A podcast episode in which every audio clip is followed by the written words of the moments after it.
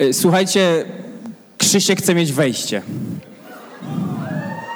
Więc powitajcie brawami. Krzysztof Gonciarz i Bartek Przybyszewski!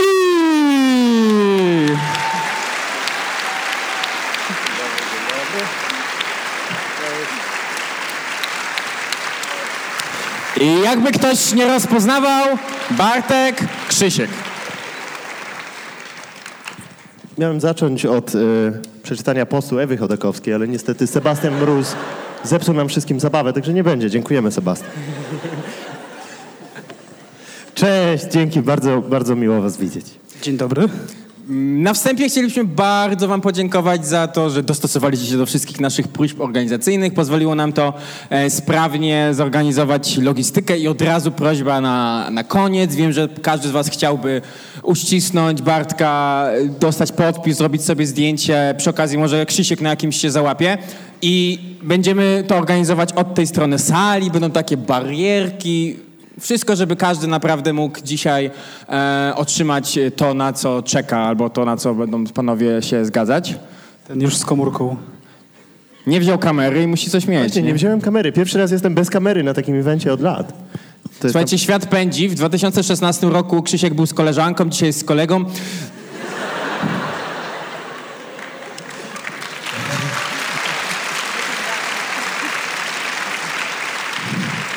Panowie, nie, wyraźnie rozmawia, nie rozmawiamy o tym, co nas łączy z Tak, Bartkiem. tak. Są tematy. Czy jest Michał Żmuda na sali? Nie ma. Nie ma, okej. Bo to jest kolega, który zadał takie pytanie trzy lata temu. Słuchajcie, był film, nie wiem czy znacie, Grinch nie będzie świąt, kojarzycie? To wiecie, że teraz nie jest Grinch, tylko teraz jest Rich świąt nie będzie, bo wszystkie reklamy w pizdu szczelił. Coca-Cola miliony wydaje na reklamy, na kampanię, Allegro robi cykliwe filmiki, a wy wyświetlicie Leny Face'a w Warszawie i Instagram nie żyje. Kto to wymyślił?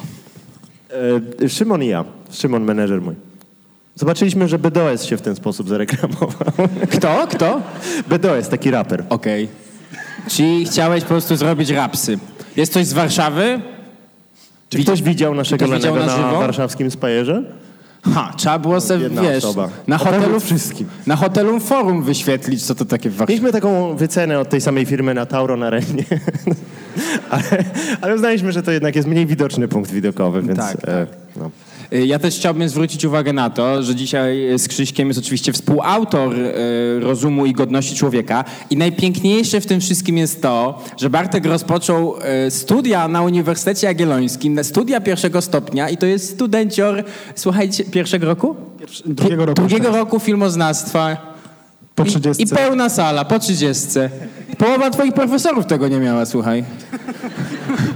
Tak, to prawda. Nie wiem, czy to jest... Nie, czy, nie będę oczywiście tutaj y, wypowiadał się źle na temat y, mojej teraz już teraz uczelni e, macierzystej tak naprawdę, nie? Alma mater, tak, no, tak. no, słuchaj. Y, To też jest tłumaczy. Ola z nami, Ola Rogalińska. Ja się nazywam Tomek Pytko i przejdziemy do rozmowy.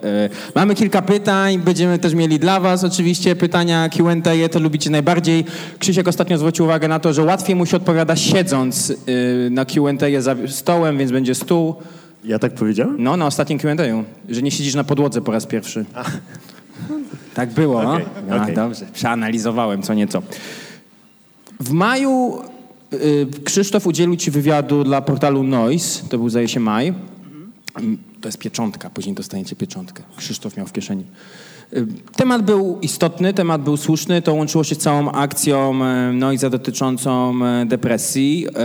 To było ledwie 6 miesięcy temu i dopiero wtedy... Troszkę tak, zrób- żeby zróbmy tak sobie tak. nie siedzieć do tej części sali, dobrze? To Krzysztof sobie oglądaj, my sobie, po, my sobie pogadamy, tak, tak. Jak masz jakieś wolne miejsce obok siebie, to możesz też siąść tam, jak chcesz. Ty. Nie, Sześć miesięcy, dzisiaj mamy efekt tej książki. E, Ta rozmowa była zaplanowana po to, żeby zrobić wywiad. Czy już wtedy, zaraz po niej chciałeś dzwonić, zrodził się ten pomysł? Bo to nie był twój pierwszy, twoja pierwsza rozmowa z Krzysztofem. W 2016 roku ten większe wywiady dla Agory, ale czy wtedy zadzwonił ponownie ten, ten dzwonek w głowie, że może spróbujemy? E, Z tą rozmową majową dla portalu Noise było tak, że dostałem zlecenie na rozmowę o depresji, więc przygotowałem się i obejrzałem oczywiście ten film Krzysztofa, e, ob- obejrzałem wcześniejsze filmy i zacząłem e, od tego wywiad, że cześć Krzysztof, jakby tu jest zlecenie na wywiad o depresji, a Krzysztof powiedział, ale nie mam depresji, znaczy ja nie wiem, czy ja mam depresję, tak? W sensie niezdiagnozowaną, więc, więc trochę mi zepsuł e, wejście w tym wywiadzie, ale to e, na tyle fajnie poszło, że, że, że chyba podczas tego wywiadu e, urodził się pomysł, żeby może coś napisać więcej. To była nasza druga rozmowa i ta druga rozmowa, e, obie były fajne chyba, więc przynajmniej z mojej strony. A Krzysztof się od razu zgodził na to, że tak, że napiszmy i jest grudzień i jest to. Ja to pamiętam tak, że my mm, postanowiliśmy spróbować, może bez takiej od razu świadomości, że to musi wyjść, że to musi się skończyć e, książką, która zostanie opublikowana, tylko że tak spróbujemy się przymierzyć i e, zaczniemy sobie rozmawiać i zobaczymy, jak będzie szło. I po pierwszych kilku sesjach, które jeszcze takie dość sztywne były, chyba tak dość szybko poczuliśmy, że to się da zrobić. No te przebitki wy na wspólnej kanapie i znaki zapytania wokół pojawiały się y, w kilku twoich filmikach. Długo trzymaliście to e, w takiej tajemnicy też ze względu na to, że nie byliście pewni, czy, czy finalnie książka zostanie wydana, czy chcieliście, ra- raczej chodziło o kwestie marketingowe? Jedno i drugie chyba. Tak mi się wydaje. Chyba w listopadzie były pierwsze informacje o tym, że książka będzie, taka oficjalne, takie oficjalne informacje, nie? Mm, ja pamiętam, że jeszcze chyba oka- przy okazji Gonkonu mniej więcej, jak tam już siedzieliśmy w tym moim mieszkaniu w Warszawie, pamiętasz? Zanim ja wyjechałem do Japonii tam w drugim tygodniu października, to już wtedy coś przebąkiwałem. Jeszcze nie mówiłem, co to będzie, o czym to będzie, ale tak było, że o, coś tutaj robimy i e, coś sobie szykujemy. A to tak naprawdę to już, był, to już było bliżej końca niż początku, e, przynajmniej tej takiej konwersacyjnej części e, prac nad tym. Ja, ja się jeszcze raz przywitam i przywitam moich gości. E, A jeżeli już mówimy e, o tych już takim normalnym projekcie, już wiedzieliście, że będziecie e, tworzyć książkę, to odnosi takie wrażenie, że naprawdę rozmowy w książce, nie będę zdradzać szczegółów, ale aczkolwiek są to tematy bardzo różnorodne i często nieoczywiste, bo poruszacie tam naprawdę tematy Kruszwila, Ewy Chodakowskiej, e, czy... To jest chyba naturalne, że o tym trzeba ale rozmawiać. mówię, że jest bardzo duża różnorodność tych tematów poruszanych w książce i często przerzucacie, tak przeskakujecie z tematu na temat, ale jednak jest to jakaś spójność w rozdziały, e, to wszystko się klei, więc mam tutaj pytanie e, już na tym właśnie... Nie wiem, czy ktokolwiek, kto miał książce w ręce, książkę w ręce, powie, że te rozdziały mają jakąś spójność. Widzieliście, jak wygląda spis treści? Ale jest do niego e, wyjaśnienie. Dostaliście erratę, kupując książkę dzisiaj? Może niektórzy nie mają. Było. Błyszczała się. Czyli mają. E, Tak się chciałabym się zapytać, czy ten plan rozmów e, tych tematów był przygotowywany, tutaj może głównie pytanie do Bartka, który zadawał pytania, ale ogólnie czy mieliście taki zarys tego, jakie tematy będą poruszane, jakich może będziecie unikać, albo wręcz przeciwnie, uzupełnicie te tematy, które e, nie były poruszane w filmikach? Czy to było flow po prostu? Mm, Nawet jeśli robiłem jakiekolwiek plany przed rozmową, to one i tak się dość szybko sypały, dlatego że przechodziliśmy bardzo płynnie z tematu na temat. A też Krzysiek był na tyle otwarty, że nie przypominam sobie, żeby, żeby, żebyśmy zaczęli mm, kiedyś rozmowę od tego, że Krzysiek mówi, ale nie, o, o to nie pytaj w ogóle, nie, nawet nie zaczynajmy rozmowy na ten temat. Ale za to dość szybko podpisaliśmy y, NDA. Tak, tak, nawet moja mama nie wiedziała, że, że pisze książkę z kim i tak dalej. Tak? Klauzurę poufności. Tak, NDA, czyli no, e, tak się mówi, klauzula pouf, poufności. Wiem, w tym sensie, zagranicznym Że to, co y, rozmawiamy, to o czym rozmawiamy zostanie między nami, jeśli ja sobie nie życzę, żeby szło dalej. No ale takich tematów było tak naprawdę niewiele, nie wiem, no jakieś pojedyncze może kwestie. No powiedz jakie. A wypłatę z książki dostanę. E, więc e, odpowiadając na pytanie, nie. Jakby, e, znaczy były plany na poszczególne rozmowy, ale nie było e, jakichś takich... E, te, te rozmowy nie szły według jakichś takich bardzo ścisłych kryteriów od do. Nie? Z tego właśnie wynika to, to, to często zmienianie tematu w ramach rozdziału. Nie? A jak wyglądała współpraca twoja z Krzysztofem? Czy to było duże wyzwanie? Dogadywaliście się e, w, przy, przy tematach w książce? Czemu sobie to zrobiłeś? Znaczy nie no, książka powstała tak naprawdę w ekspresowym tempie. Około, trzy- sama treść to było około 2,5-3 miesiąca. Eee, I to jest dowód na to, że to wszystko, poszło sprawnie, tak? Jakby to była intensywna praca, ale nie było jakichś tam między nami strasznych yy, konfliktów. Myślę, że warto powiedzieć, y, no bo aż widziałem, że Artur ch- chwalił się, że jest na ostatniej stronie, że to była praca zbiorowa i kilka osób, które pracowało nad tą książką e, są dzisiaj na sali. Może chcesz o nich powiedzieć? Jest z nami Artur, który pomagał nam e, przy procesie Artur produkcji. Wabik, znany w Artur Krakowie jako Wabik. To jest- Oraz są Szymon i Greta, e, zespół menedżerski mój, który też w całym tym procesie uczestniczył, więc brawo. Wielkie brawa dla. Nie wiem, czy kogoś jeszcze mamy, kto... Jest w procesie chyba jeszcze uczestniczyli y, 34 lata temu twoi rodzice. Tak, no to jest... Wielkie brawa dla nich. making of. Ja bym, ja, ja bym trochę dodał y, a, a propos tego, jak przebiegała nasza współpraca, bo doszła, doszło do takiej śmiesznej, y, do śmiesznego przełomu na tej linii. To znaczy w pewnym momencie ja wyjechałem do Japonii i musieliśmy zacząć przez Skype'a rozmawiać i tak się baliśmy, że to, o, to może być trochę sztywno, a okazało się, że zaczęło nam iść dużo lepiej. W sensie jakieś tak wyłączenie tego bezpośredniego, interpersonalnego awkwardness między nami spowodowało, że tak jakby to odleciało w momencie, jak zacząłem ten... I, i chyba najwięcej zrobiliśmy tak koniec sierpnia, wrzesień. Wydaje mi się, że to wtedy najwięcej treści tak naprawdę zebraliśmy. Tak, w dziwnych godzinach, dlatego że trzeba było dostosować y, strefę czasu polską do japońskiej i tam rozmawialiśmy albo jakoś, nie wiem, albo o północy polskiego czasu, albo jakoś, nie wiem, o 13, jakieś takie... z- 13, strasznie dziwna godzina. Dziwne, no, Jak można coś robić o 13? to prawda. Ale też y, dzisiaj Krzysztof zdradził we wcześniejszych wywiadach radiowych, że kiedy już y, nawet pogadaliście na Skype'ie, później było trochę dopisywania, tak? W sensie, że niektóre wątki chciał w czasie redakcji poszerzać i wręcz ponoć mówiłeś mu, stary przestań, koniec, książka jest skończona. W sensie, że e, to może jest pytanie najpierw do ciebie, czy rzeczywiście blokowałeś, albo czy, czy uważasz, że ta książka e, wtedy już była ta skończona, czy Krzysztof rzeczywiście ją poszerzał w jakąś fajną stronę, czy czujesz Krzysztof z kolei, że niektórych rzeczy nie dopisałeś, z tych, których chciałbyś jeszcze przekazać w tym finalnym dziele? To jest Dzielę. chyba taka niekończąca się robota, nie? W sensie, że Krzysiek zawsze chciał dopisywać jakieś nowe wątki, bo to jest jego życie, tak? Więc, więc tutaj zawsze będzie się coś pojawiało.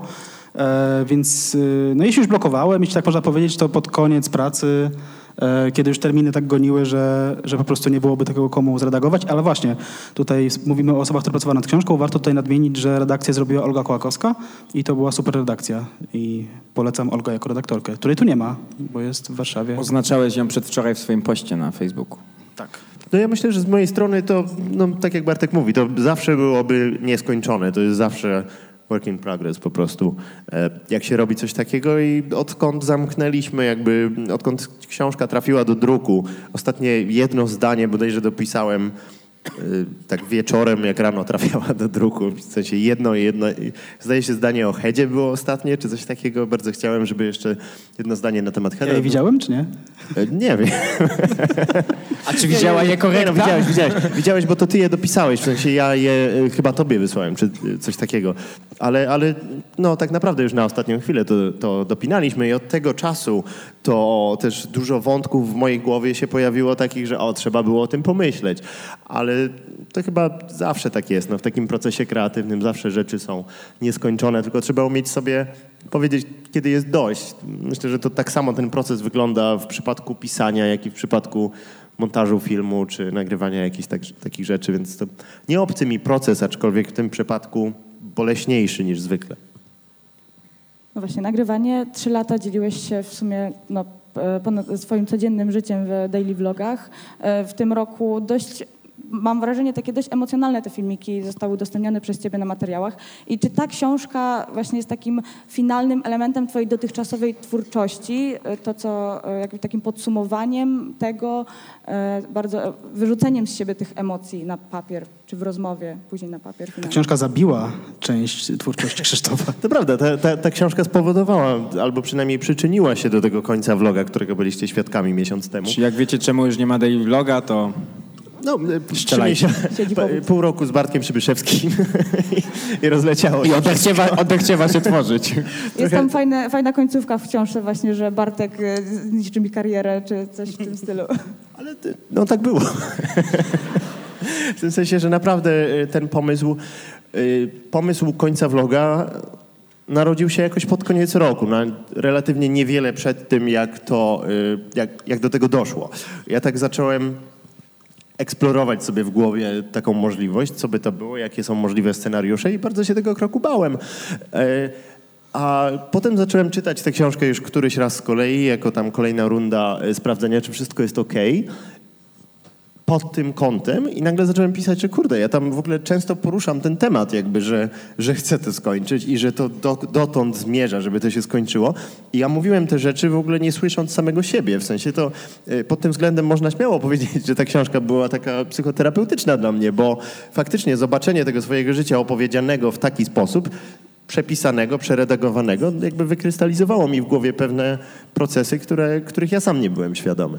Dotyczące daily vloga, czy na przykład ułożyłeś sobie także inne kwestie jakoś bardziej? Nie, no głównie, głównie to. No, chociaż myślę, że nie wiem, jak na przykład opowiadam o jakichś tam cechach swojej osobowości, no to też jakby tak przeglądanie się w tym lustrze pomaga. No bo to są takie rzeczy, o których ja nie mówię jednak na filmach zazwyczaj, bo e, no nie wiem, no akurat to medium nie za bardzo pasuje mi do takiej tematyki. Ja tutaj jakby jeszcze przez pryzmat tego, że jest rozmówca, jest słuchacz, można sobie podyskutować na jakieś tematy.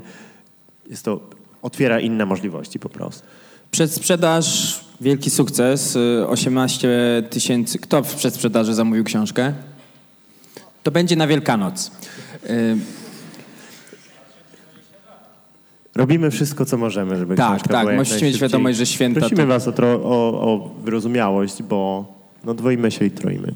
Nie, nie, nie, nie, mogę zagwarantować, że wszyscy dostaną przed świętami, przepraszam. Chyba, że macie firmę kurierską, która zrobi to szybciej. Y, Chciałem zwrócić uwagę na pewną kreację. No jest to kreacja marketingowa, zwrócenie uwagi na pierwszą e, polską, e, e, wpadło mi słowo, pa, pasta, jak się mówi? Copypastę? Ym, No ale z jednej strony w tej książce są naprawdę ym, tematy ważne społecznie, ważne także jest dotyczące twojej kariery, twojego zawodu, tego czym się na co dzień e, pałasz, ale także ciekawy twój ogląd na przykład na, na polski YouTube, szczególnie na polski świat influencerski. Ale książka nie ma wielkiego twojego zdjęcia na okładce, z tyłu nie ma biogramu Bartka, nie chowa Czemu się za nie ma? Nie ma, Wyleciało. nie, nie chowa się, chciałeś mieć tyłu? Leciało w redakcji. Nie ma tego tytułu, który wydaje się taki, jeżeli ktoś by go przeczytał sobie po prostu, tak? y, Rozum i godność człowieka, to by się zastanowił, co on tu napisał, co to jest, czy to jest książka psy, nie do psychologii poznawczej. I zastanawiam się, czy troszkę schowaliście się za tą książką, za tym Lenny Face'em, żeby nie być posądzonym o to, że, że tak mądry tytuł, a środek głupi, czy to ma odzwierciedlać tak naprawdę to wnętrze, które jest bardzo różnorodne. Ja Bo, myślę, że jest odwrotnie. Jest głupi tytuł i mądre, mądry, mądre wnętrze. Okej, e, ro- pociągnijmy ten wątek w takim razie. Czy, no bo jest to pierwsza taka kreacja w Polsce, że tak naprawdę e, i też wasza kampania, bo nie, nie mówiliście, tak naprawdę my po raz pierwszy dzisiaj będziemy, po raz pierwszy dzisiaj w radiu rozmawialiśmy i teraz rozmawiamy o tym, co jest w środku. Mniej więcej wspominaliście, jest w opisie na stronie, ale cała promocja opierała się na... No sprzedawaliśmy ideę, sprzedawaliśmy y, jakiś taki trochę mem, trochę żart i trochę tak pojechaliśmy na zaufaniu. W sensie ja miałem na tyle taką y, wiarę w to, że ten środek jest fajny, że mogliśmy go dowoli rozwalić w ogóle tą formą, y, w którą poszliśmy. I myślę, że to, jak ta książka ostatecznie wygląda jako, jako produkt, jako forma plus treść, to bardzo dobrze odzwierciedla jakieś takie moje podejście w ogóle do tego, co robię. Czyli u mnie zawsze jest jakieś sacrum profanum. Z jednej strony jest, staram się być tą osobą widzianą jako inteligentna, ale jednocześnie chcę być widziany jako na tyle inteligentny, żeby robiąc te głupie rzeczy, żeby to było śmieszne, że ten, ten, ten mądry robi tak głupie rzeczy i tak dalej. I ten kontrast zawsze był dla mnie ważny. Dlatego też nigdy nie byłem w stanie się zdecydować tak naprawdę, czy ja bardziej chcę być jakimś tam podróżnikiem, vlogerem, poważne rzeczy robić, czy wydurniać się w zapytaj beczkę. A tak jedno, jakby ten, to, co jest pomiędzy, to takie napięcie między jednym, że, że, że dzięki tym dwóm y, środkom wyrazu ja potrafię być zaskakujący, to jest dla mnie chyba najbardziej ważne. Ważna jest ta synergia między jednym a drugim. I ta książka, cieszę się, że- że to się udało oddać, bo ona w środku jest na tyle jakby taka poważna, że faktycznie, gdyby tutaj dać na okładkę czarno-białe moje zdjęcie i tak dalej, no to to byłoby spójne na pewien sposób. Nie? To jest książka, która tak jakby gdzieś mentalnie może coś takiego mieć. Jest poważna twoim zdaniem? Ja myślę, że jest dość poważna. W sensie rozmowy są, jest tam trochę poczucie humoru wy, wynikające z jakiegoś tam kontekstu rozmowy i takiego naszego ogólnego flow, ale celem w sumie przecież nie było pisanie na wesoło. No nie, ale tam jest bardzo dużo takiego dystansu. Znaczy, na tyle dużo dystansu, że ten Lenny Face y, no, pasuje tam. No. Jakby, Właśnie, bo Lenny Face to jest dwuznaczność sama w sobie, nie? Że jakby jednak ten Lenny Face, nie dość, że trochę w Polsce chyba jest wykorzystywany w wątku takim erotycznym. E, dwuznaczność. Napisała Gazeta Wyborcza ostatnio. Tak, tak, wyborcza Był- napisała. Na, na Gazeta.pl był news o tym Lenny Face'ie na Warsaw Spire i tam było napisane, że ta, y, ta buźka jest często w kontekście seksualnym wykorzystywana. No, Czyli wyszło, że jesteś Nie, pedofilem tego. nie bo dla, dla mnie piękne w tej ikonie jest to, że ona wyraża jakąś emocję, ale bardzo trudno jest ubrać w słowa, jaka to jest emocja. Nie? W sensie, to jest coś i wszyscy czujemy, co to mówi, ale tak jednocześnie, no właśnie co? No ale tych emocji wyjęliście jeszcze więcej, tak? Mówię, zwracam się znowu w kierunku tego spisu treści, bo tu Lenny Face wychodzi w różnych e, wariacjach. Jak się dopasowuje Lenny Face'a pod Ewę Chodakowską? Jak, co, który No, to jest? Ja myślę, że to jest praca, którą warto wykonać. Kto to, kto za to odpowiada? To, to, to po to jest, żeby... y, W sensie te, te buźki w spisie treści, one nie są przypadkowe, tylko je tak sobie jakoś razem y, dopasowywaliśmy. Ewa ma takie usta duże tutaj, tak. To, się To jest zgadza. oficjalny Lenny Face Ewy Chodakowskiej. To jest, Tak? jest- tak. Odezwaliśmy się i trzeba było wykupić licencję na tego Lenny Face'a, żeby wykorzystać. Ale w książce mówicie, że Ewa się nigdy nie odezwała do Krzysztofa ani na jego oznaczenia i zabawy. Ale wyślecie książkę do Ewy. W sumie moglibyśmy. Niech se kupi. Niech se kupi. Ona mi nigdy nie wysłała żadnego DVD. Mo- planu treningowego ci nie rozpisała ani nic? Nic. Zna ktoś Ewę, to niech przekaże. A przeczytał ktoś już całą książkę? Może jest taka osoba? Jakby dostał, to przeczytał, ale jest ktoś taki? Jedna osoba przeczytała. I co? A, a, to jego jest ten komentarz, że nic go tak nie ruszyło od Harry'ego Pottera chyba, nie? To twój, tak myślałem. Ci wyznawcy e, Krzysztofa e, Gonciarza. To, to jest śmieszna sytuacja, że faktycznie udało nam się osiągnąć jakiś taki dość spory sukces sprzedażowy przy bardzo, bardzo małej komunikacji zawartości książki. I to jest e, z jednej strony fajne, a z drugiej przyznam takie ryzykowne, w tym sensie, że teraz ludzie to przeczytają i zobaczymy, co powiedzą. Nie powiedzieliśmy ludziom, co mają myśleć na temat tego, co jest w tej książce. Ja trochę wracając do tematu właśnie tych daily vlogów, bo uważam, że to jest naprawdę jakby taka decyzja przełomowa, jeżeli chodzi o twoją karierę youtuberską. W 2016 roku mieliśmy przyjemność tutaj ciebie gościć na salonie Olinujot i wtedy padło takie pytanie z publiczności w ramach Q&A. Pytanie było dość obszerne, także nie będę go przywołać całego. Od, odnosiło się właśnie do tych daily vlogów. E, Wtedy zakończyło się taką myślą, kiedyś trzeba będzie się z nimi rozstać. A ty wtedy odpowiedziałeś, no prawdopodobnie, ale no nie mówmy o takich smutnych rzeczach. E, Więc no może pomówmy teraz, bo jakby w kontekście tego, co e, miesiąc temu właśnie udostępniłeś w filmie pożegnalnym swoją decyzję, i która później gdzieś w, książce jeszcze te, e, ten daily vlog funkcjonuje, ale pod koniec e, jest taki moment, że już wiemy, że jednak zdecydowałeś, zdecydowałeś, że jednak e, zakończysz, tak my też? E, Że jednak e, zakończysz prowadzenie.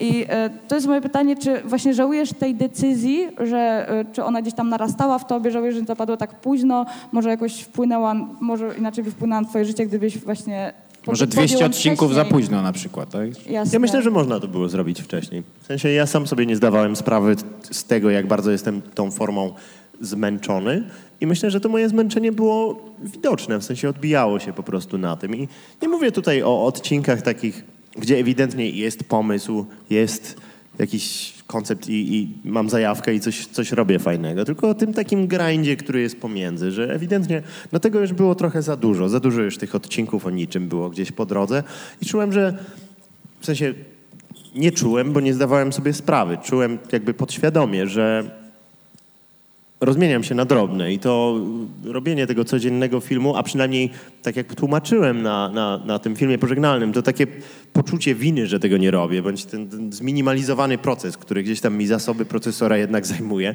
e, to powodowało, że te takie bardziej ambitne cele trochę jednak na tym cierpiały, no bo to tak za bardzo miałem taką wymówkę na zasadzie jestem w stanie zrobić tych pięć takich prostych filmów y, z, z jakimiś tam bardzo niewymagającymi konceptami, y, więc to mi daje wymówkę, żeby nie robić czegoś na zasadzie, nie wiem, jakiś wyjazd zagra- zagraniczny, jakaś seria podróżnicza i tak dalej. Upraszczam oczywiście, bo to nie są procesy, które w mojej głowie zachodzą w sposób aż tak algorytmiczny, ale sądzę, że widzę teraz po sobie po prostu, że odzyskałem naprawdę skrzydła i tak jakby czuję, jakbym część swojego mózgu odzyskał, bo nie jest już wykorzystywana jakby cały czas, nie jest zajęta przez robienie tego.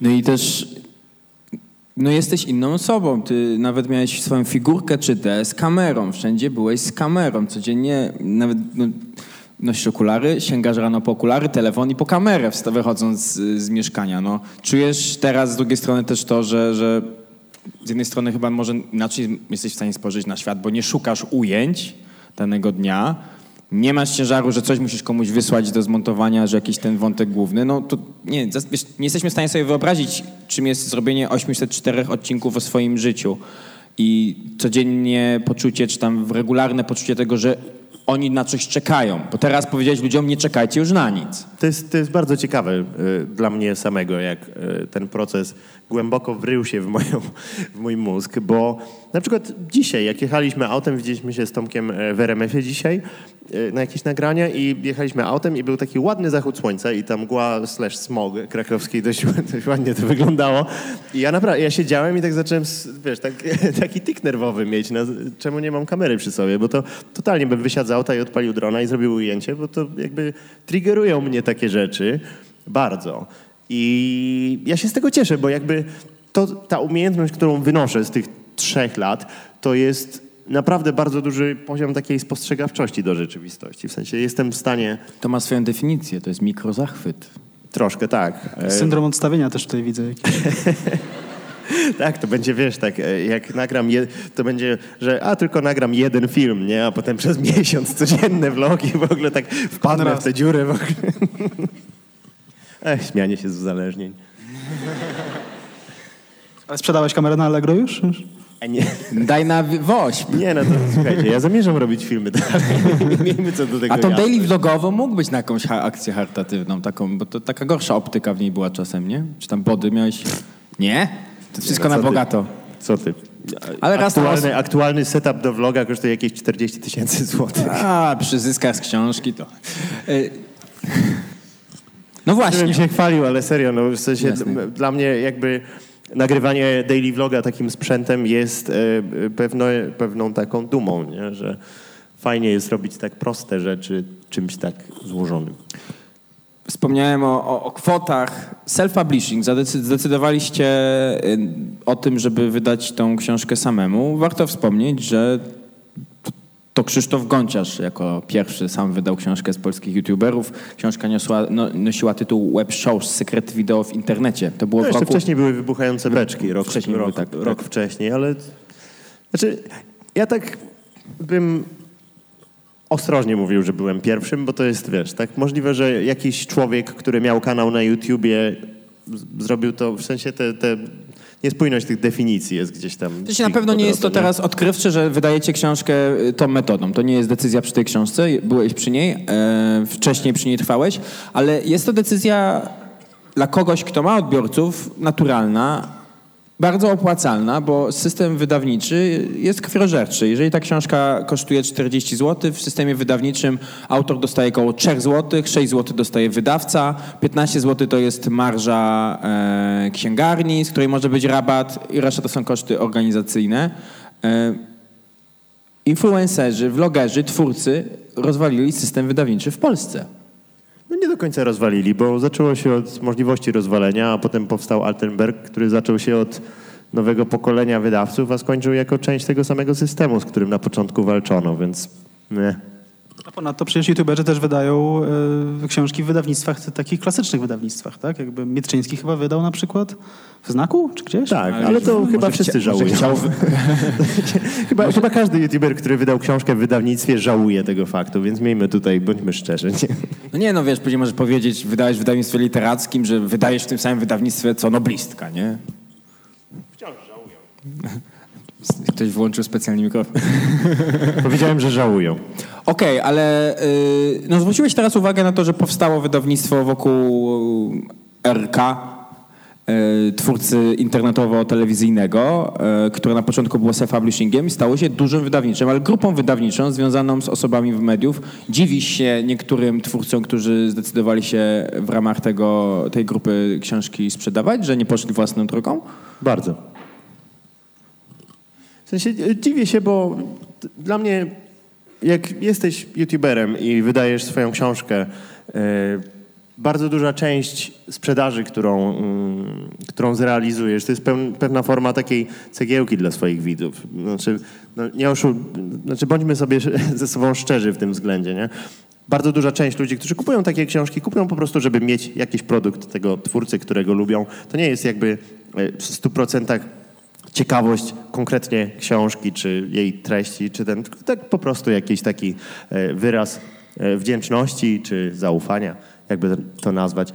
I to jest, no nie wiem, głupia dla mnie jest sytuacja, w której książka kosztuje 49 zł i je- jedzie na tym, że e, widzowie mają jakieś poczucie wdzięczności, tymczasem powiedzmy 42 zł z tych 49 idzie do firm, firm innych niż ten youtuber, któremu oni chcą się odwdzięczyć, więc ja wam mówię, jak kupicie za 39 zeta, to prawie wszystko idzie do mnie.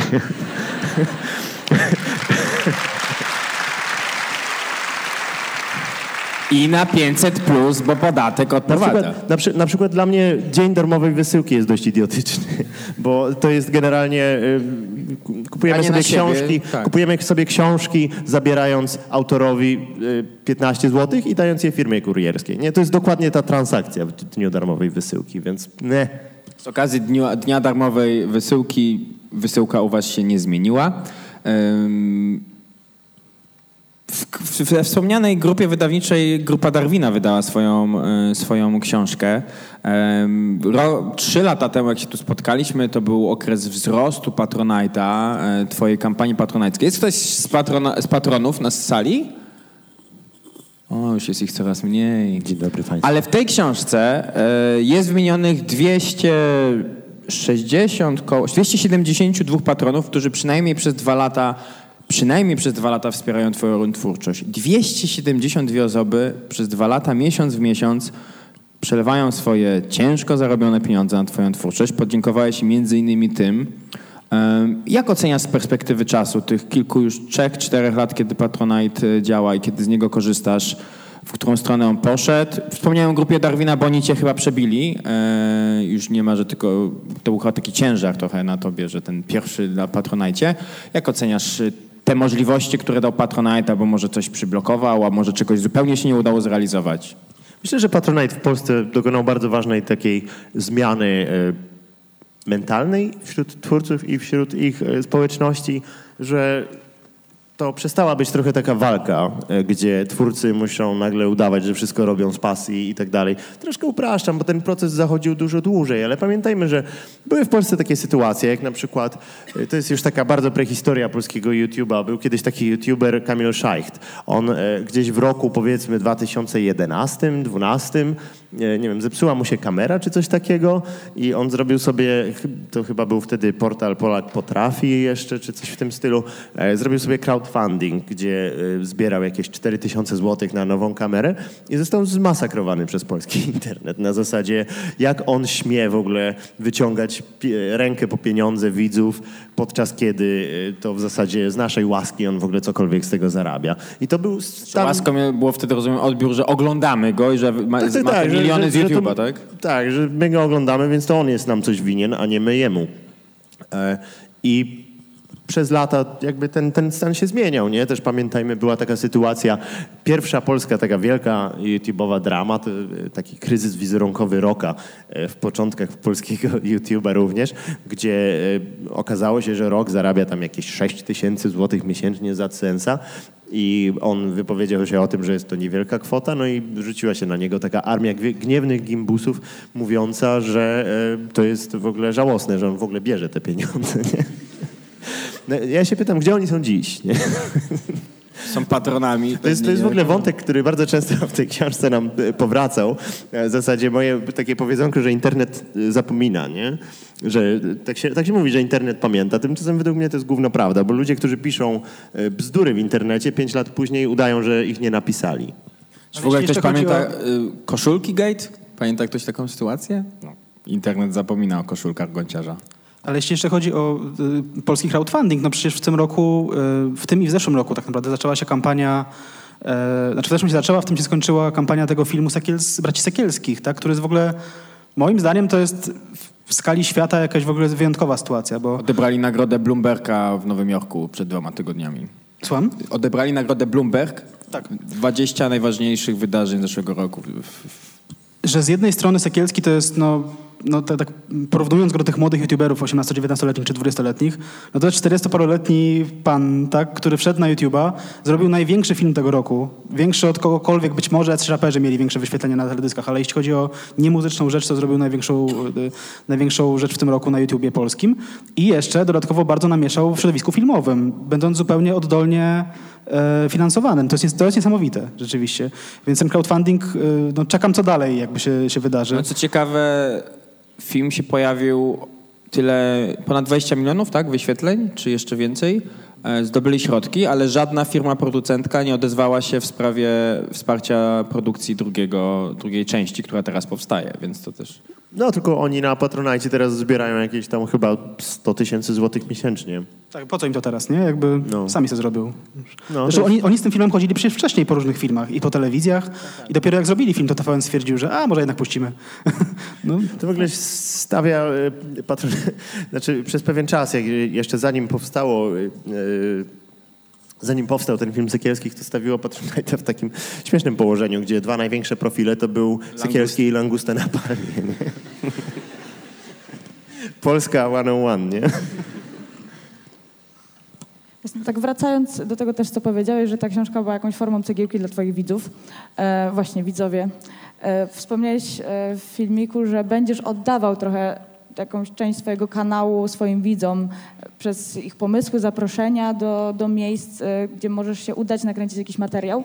I czy ta koncepcja jest bardziej przemyślana? Jakby, czy jest jakiś taki konkretniejszy plan na, na ten kanał Krzysztof Gonciarz? Czy masz jakąś świadomość, w jaką stronę to ma zmierzać? Czy to jest takie, dobra, co tam, jaką, jaką dostanę propozycję, tak dalej będę Tak, zmierzał? na pewno. Jak, jak będzie wyglądał w ogóle kanał Krzysztofa Gonciarza bez tych daily vlogów i w reszty, która była? Jeszcze nie wiem. Więc po prostu... Mam, mam jakieś pomysły oczywiście. No, w przyszłym roku, e, jak wszyscy wiemy, e, przede wszystkim Igrzyska Olimpijskie e, w Tokio, co będzie ważnym wydarzeniem. Mam nadzieję brać w tym udział w stopniu podobnym co w Pjongczangu. I kilka innych takich jakichś podobnego rodzaju planów mamy, ale zostawiam sobie na razie tę wolną przestrzeń, bo nie wiem, czy po mnie widać, czy nie, ale generalnie to naprawdę potrzebuję urlopu. I myślę, że po tych kilku latach e, vlogowania to jest śmieszne, bo miesiąc temu prawda, skończyłem vloga i się wydawało, no to wreszcie można odpocząć. I akurat zaczęliśmy ten maraton związany z promocją książki i tak dalej, więc ja tak naprawdę nie miałem za bardzo dnia wolnego od kilku miesięcy. Ale I... czy ty umiesz odpoczywać w ogóle? Proszę? Tak, czy umiesz odpoczywać? Bo często podkreślasz, że dużo pracujesz po prostu i czy jesteś w stanie właśnie odetchnąć, dać sobie chwilę, powiedzieć Krzysztof wyluzuj. Mam nadzieję. Niech bliscy pomogą. Y, No, wskocz do Airbnb, wybierz coś ciekawego i sru. Ale tak można by powiedzieć. Zdaje się, że chyba dobre dwa, dwa, trzy lata temu pojechaliście na Bali, to wtedy ostatni taki chyba urlop, że ty w ogóle leżałeś na plaży, jak tak. Najwyższy czas przestać dokumentować swoje życie, swoje życie w ten sposób, żeby ludzie mi mówili, kiedy ostatni raz byłem na urlopie. To były Filipiny. E, To były Filipiny. Ale od jakiegoś czasu zapowiadasz, że powstaje twoje najpiękniejsze dzieło. Zdradź nam, co to będzie mniej więcej. Czy już może... Ja nie mogę jeszcze. A, ale, takie... ale, w ale jakimś- nie, no mam, mam bar, bardzo, bardzo ładny film e, w zanadrzu. Ale to jakiś kolab jest, czy twoje w pełni? Reklama. Reklama. Będzie w telewizji? Nie, e, taka reklama jak e, powiedzmy sztuka składania historii, coś takiego. I kiedy premiera planowana? Po urlopie. E, nie wiem do końca, to jest mm, nie w 100% zależne ode mnie. Dwa, mijający rok to są wydarzenia, myślę, kluczowe. Wspomnieliśmy w twoim życiu, wspomnieliśmy o zakończeniu vloga, było też y, inny filmik o innym zakończeniu, ale to, ten rok to także wystawa. Wystawa w Muzeum Sztuki i Techniki Japońskiej Manga, krakowskim y, muzeum. Rekordowa wystawa. 36 tysięcy osób zobaczyło ją przez cały okres y, tejże wystawy. Połączona później również z tym, że efektem pracy nad nią była muzyka, wydanie płyty, teraz wydanie książki, kilka naprawdę bardzo ciekawych współprac komercyjnych, ale też takich y, związanych z Polską, bo, bo pojechałeś i, i tam jakieś serki, i był Kraków, i, i były różne ładne rzeczy. Tak naprawdę było wszystko, co można stworzyć. I czujesz, że to jest taki rok Michała Anioła? Tylko fres, fresków nie malnąłeś żadnych? Może coś namalowałeś? Sorry, Tak, dokładnie tak. tak. Sorry, że się śmieję, nie? Ale... tak, nie, tak sobie pomyślałem, nie? Michał Aniu, nie? Ten rok był dla mnie bardzo, bardzo przełomowy, bo zacząłem go w nie najlepszym stanie i bez najlepszego pomysłu na to, co będzie dalej. Taki trochę uwięziony w tym, co robię, bo tak sobie wyobrażałem, no w sumie, jak będzie wyglądać to moje dalsze życie, co przez najbliższe pięć lat będę zapierdalać nad tymi daily vlogami i tak poczułem, że yy, nie, nie za bardzo miałem wiary w to, że pozostawiam za sobą coś istotnego, co jest jakąś taką kulą śnieżną, którą można by toczyć dalej, albo która najlepiej sama toczyłaby się dalej. Nie? To znaczy, chodzi mi o to, że czy zrobię tych daily vlogów 800, czy 1200, czy 1500, no to tak eh, dużo pracy mnie to kosztuje, ale ten efekt jakby taki, to co y, zostaje za mną jest taki porównywalny. Nie? I w pewnym momencie y, pomyślałem sobie, że kurde, no nie wygląda to najlepiej, bo jeśli teraz nagle zabra zabraknie mi pary na robienie tego dalej, no to tak w sumie to co? No po prostu zniknę i za pół roku już nie będzie gąciarza, nie? I to była wizja, którą gdzieś miałem na początku roku i z którą się mierzyłem. I Nie, to jest ciekawy wątek, którego nie ma w książce, nie? że prowadzisz firmę, zatrudniasz ludzi i tam przepływają jakieś pieniądze większe lub mniejsze, a z drugiej strony, nie wiem, popraw mnie jeśli się mylę, ale nie masz chyba jakiegoś takiego planu na co będziesz robił za dwa i pół roku, tak? Za, dwa, za cztery kwartały, nie? znaczy taka działalność, wiesz, no produkcyjna. Dzisiaj w radio go zapytali, kiedy dzieci, więc...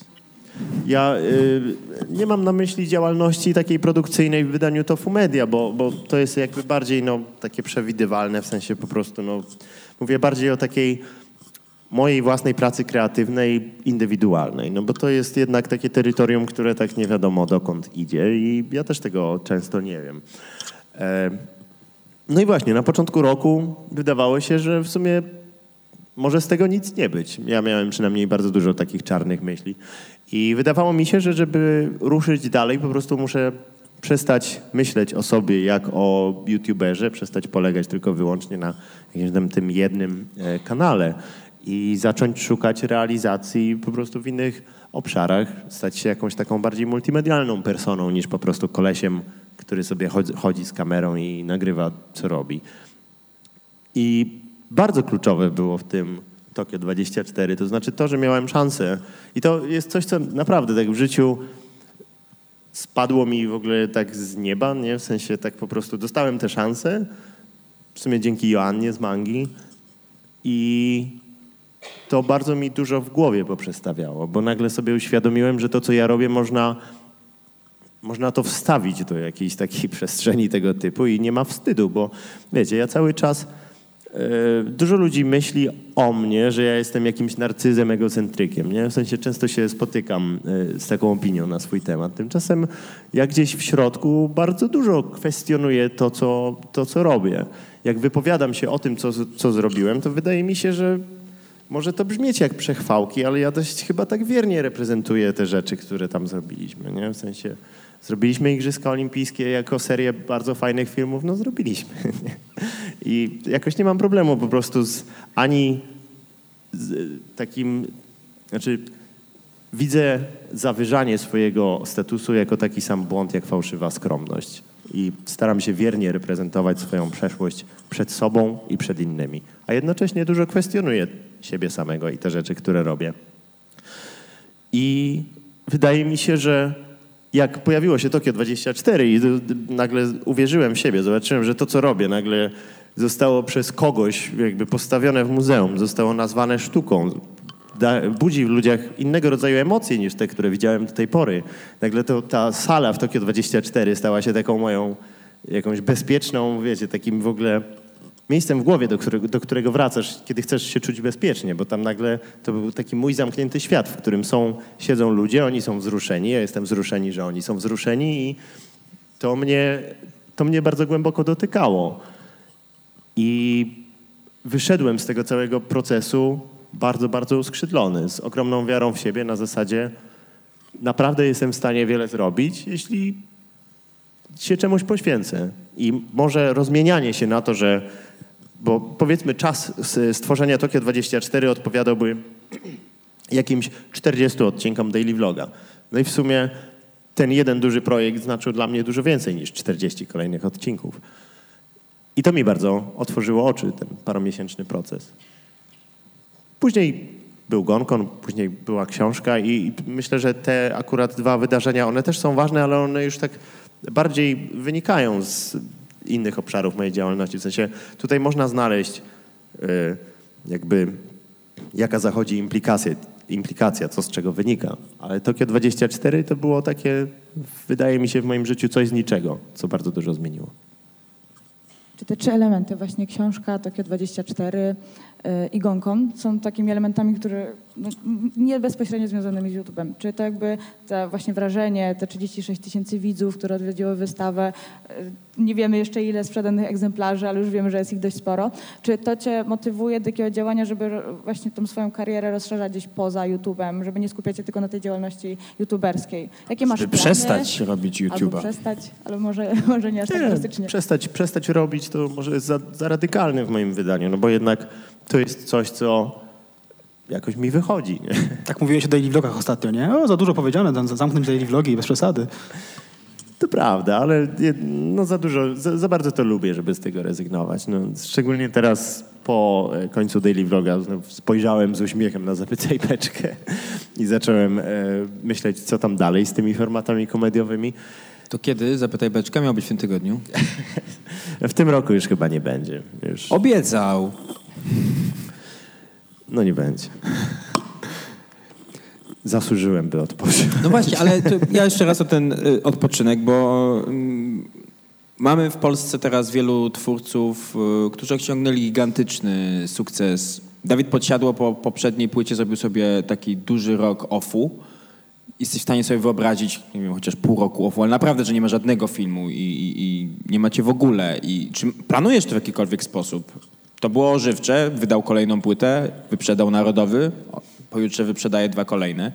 No, może, może nie bezpośrednio, ale to jest też coś, co... To, to Szymon, mój menedżer, tak mi zwrócił na to uwagę, że się tak zajeżdżam na takim grindzie z dnia na dzień i tak się po prostu stresuję tym, że jak mój wczorajszy film ma trochę gorszą oglądalność, to ja się czuję winny i tak dalej. A jednocześnie nie wiem, właśnie czy przykład Dawida Podsiadło, który potrafi się wygasić na ileś tam miesięcy, być kompletnie nieobecny, potem z czymś wrócić, czy bliżej mojego terytorium jest taki Gargamel na przykład, nie? który w ogóle tak wraca, potem go znowu nie ma, potem znowu wraca i wiadomo, że pod względem jakimś takim biznesowym może dla niego lepiej by było działać więcej niż, niż faktycznie działa, ale to nie jest tak, że jeśli nie ma go o dwa tygodnie dłużej niż zamierzał, to nagle ludzie o nim zapominają i przestają w ogóle śledzić to, co on robi, więc zrozumienie takich procesów y, myślę, że troszkę mnie uwolniło z tej klatki, którą sam sobie zbudowałem.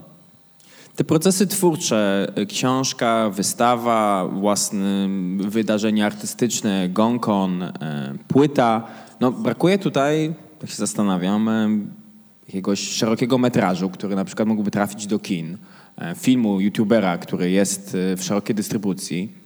Myślisz, że wychodzenie poza YouTube albo coś w kolabie z polskimi twórcami YouTube'a, czy to pierwszym filmem będzie film abstrahujów o policjantach i, i gimbazie, czy, czy już nie ma gimbazy? Czy, czy myślisz, że taka, mm, taki Martin Stankiewicz w kinach e, albo coś twojego miałoby sens i czy o, o czymkolwiek takim kiedyś myślałeś? Przecież teraz jest taki film M jak Misfit, tam youtuberzy występują w nim. No, w kinach leci. Jaki tytuł? M, e, hashtag M jak Misfit? Widział Może ktoś? ktoś wie lepiej niż ja. No. Ale nikt nie widział na szczęście, uff. Okej. Czy to jest odpowiedź na pytanie w sumie, czy... Nie, ale będziesz co, pierwszy. co sądzisz o tym formacie? Nie wiem. Może. Dawniej mówiłem nie na takie różne pomysły, ale właśnie jakby ktoś mnie rok temu zapytał, ej, może wystawa w muzeum, to bym powiedział nie. Ale y, próbowałeś jako Tofu Media stworzyć grupę twórców. E, ten, ten pomysł y, gdzieś nie wyszedł. Zastanawiam się, co było główną przeszkodą, ale czy może właśnie on w zamyśle nie miał być takim, że coś macie razem, razem wspólnie więcej tworzyć, tak? Że, że macie oprócz tego, że każdy się rozwija w swoim kierunku, to jednak krosować się umiejętnościami, które e, każdy z was ma wyróżniające się w innym zakresie. Nie, myślę, że jak Tofu Twórcy powstało bardziej jako taki biznesowy twór, ale to jest chyba całkiem spoko w książce właśnie opowiedziane. Jakby To doczytamy. Zrobiliście po to, żeby zrobić imprezę na barce po prostu. Chciałeś sobie zrobić imprezę na Wiśle. No, to była fajna impreza. Yy, Słuchajcie, zwrócimy się teraz do Was, zanim jeszcze coś tutaj dopytamy. Yy, Proszę, żeby powstały dziewczyny, które mają mikrofony. I prosimy o podnoszenie rąk. Czy mamy jakieś pytania na sali? Q&A jest, jakby ktoś nie wiedział. Okej, to zapraszam tutaj pierwsze pytanie, A to koleżanka ja w może czapce. sobie wstanę, bo ja lubię tak Dobrze. rozprostować kości. Ja mam trzy pytania. Pierwsze, Prosimy...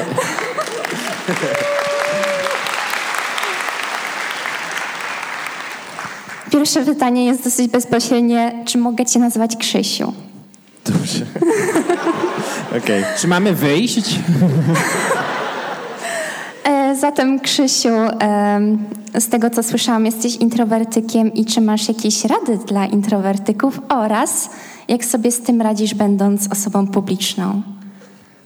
Chyba tak po prostu zaakceptowałem sam siebie. W sensie tak przestałem się czuć źle z tym faktem, że może czasem jest mi źle między ludźmi. To wszystko. Je, my tu przygotowani na ser... Dziękujemy bardzo. Yy, Ba- Ba- Bartek coś chciał do, do, dodać. Jest o tym w książce. Jest o, jest o tym, więc tutaj ktoś nie przeczytał książki, widzę. Ale Trzymajcie te ręce w górze. jeśli, jeśli będziemy wykrywać, że wasze pytania się pokrywają z tym, co jest, w- o czym jest w książce, to znaczy, że dobrze wybraliśmy tematy w książce. Więc. E, Tak, ja mam pytanie, bo właśnie jestem ciekawa waszego punktu widzenia na to, bo sama kiedyś wydałam książkę. Czy dla was e, pisanie było bardziej takim rodzajem weny, że jakby bez weny nic byście nie napisali, czy bardziej takim rodzajem konsekwentnej, codziennej pracy, do której po prostu siadaliście i mimo czy ta wena była, czy nie, po prostu musieliście jakby siadać do to, do tak kolokwialnie mówiąc, po prostu roboty. Bardziej wena, czy bardziej taka konsekwentna praca? Albo co piliście, albo jedliście, albo co innego w czasie tworzenia.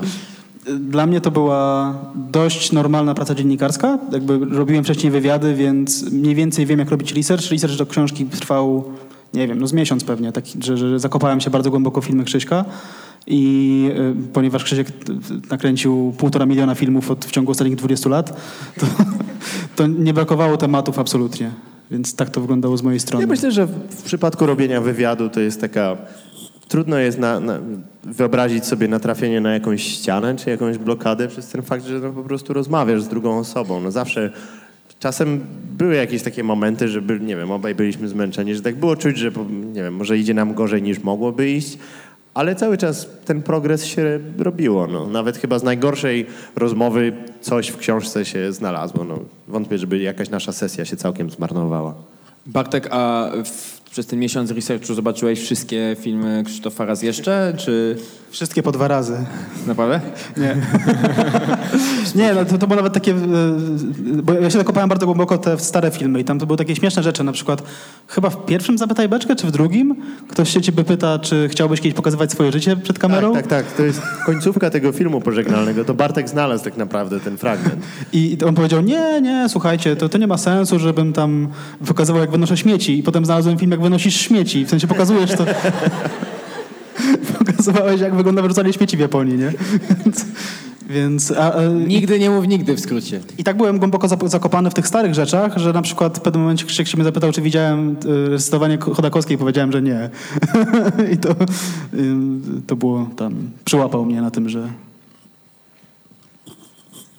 Proszę tutaj, mamy pytanie. Jakby kolejna osoba z tej strony też może podnieść rękę i koleżanka podejdzie z mikrofonem. Da się ukryć, że zbliża się Sylwester i mam bardzo zasadnicze pytanie.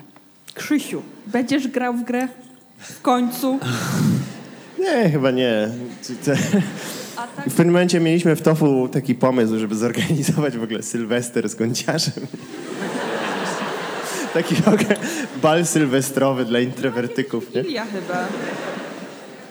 Była kiedyś Wigilia, zdaje się, z gąciarzem. Była kiedyś Wigilia, był taki film, widziałeś to Bartek? E, Wigilia. Tylko, tylko przeputujesz.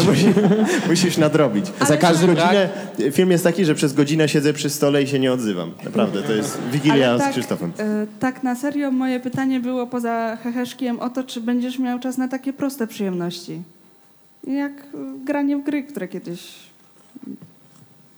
Czy czekasz na Wiedźmina na Netflixie? Mam nadzieję, natomiast y, ten mój czas wolny, który miał stworzyć brak daily vloga, ja czuję, że to było jak otwarcie takiego zaworu na jakimś takim, y, na zbiorze naczyń połączonych, gdzie po prostu odkręciłem to i pff, wszystko się wypełniło innymi rzeczami, nie? Bo nagle japońskie tofu i polskie tofu w ogóle, o siema, to teraz masz więcej czasu, nie? To teraz robimy, nie?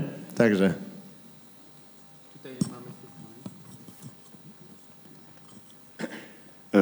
Na dobrą sprawę z tym filmikiem wigilijnym to skojarzyło mi się z Warholem jedzącym hamburgera. Przez... Już był Michał Anioł, teraz jest Warhol. Tak. Co E, jeszcze? Kto wie. E, Ja mam pytanie odnośnie e, właśnie tego, o czym wspomniałeś, że w zasadzie często, sprzeda- e, często kupuje się produkty danych odbiorców. Tak jak na przykład chodzi się do, chodzi się do teatru nie na konkretny spektakl, tylko e, na powiedzmy na aktora, który gra w tym spektaklu. Oczywiście generalizuję. E, Nie obawiacie się, że e, książka może spotkać się z krytyką? No tutaj, jak powiedzieliście, 18 tysięcy już w, przed, w przedsprzedaży. Jak jedna trzecia sali kupiła książkę, a jak było pytanie, czy ktoś przeczytał, to nikt się nie zgłosił, jedna osoba. Nie uważasz, że... Znaczy, nie obawiasz się tego, że e, ludzie kupują książkę, kupują gąciarza, a nie książkę? I jak przeczytają tę książkę, to się może okazać e, coś na zasadzie, nie wiem, wielkiej krytyki, typu, nie wiem, ludzie przeczy, przeczytawszy tę książkę powiedzą, kurwa, ale gówno. Wiesz,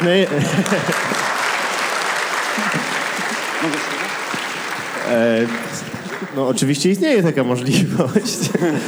E, Jeśli tak ktoś pomyśli, no to e, nie mam nic przeciwko, żeby wygłosił taką, taką opinię, no w sensie. Ale czy ludzie, czy, w sensie, to nie jest dla mnie problem, że ta książka się sprzedaje.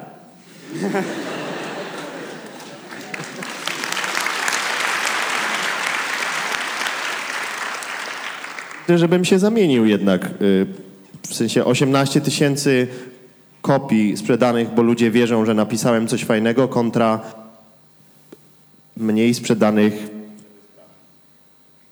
żeby sprawdzić. Więc no nie wiem.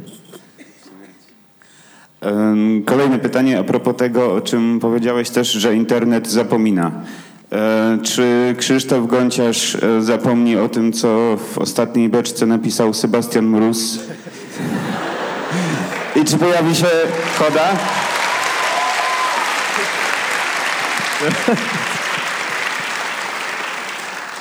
E, Myślę, że będziemy o tym pamiętać na wszystkich spotkaniach autorskich, które planujemy w styczniu. Tutaj mamy kolejne pytanie. E, hej, e, Cześć. pytanie do Krzysia, bo tutaj padło dużo słów, tutaj Michał Anioł, artysta, twórca internetowy. E, I czy ty się czujesz artystą, twórcą, kimś z tego kręgu sztuki, czy bardziej ziomeczkiem z internetu? I czy to dla ciebie, to czy jesteś twórcą, czy to zależy od tego, jak cię ludzie widzą, jak ty siebie widzisz i czy miałeś taki pstryczek, że o, teraz jestem twórcą?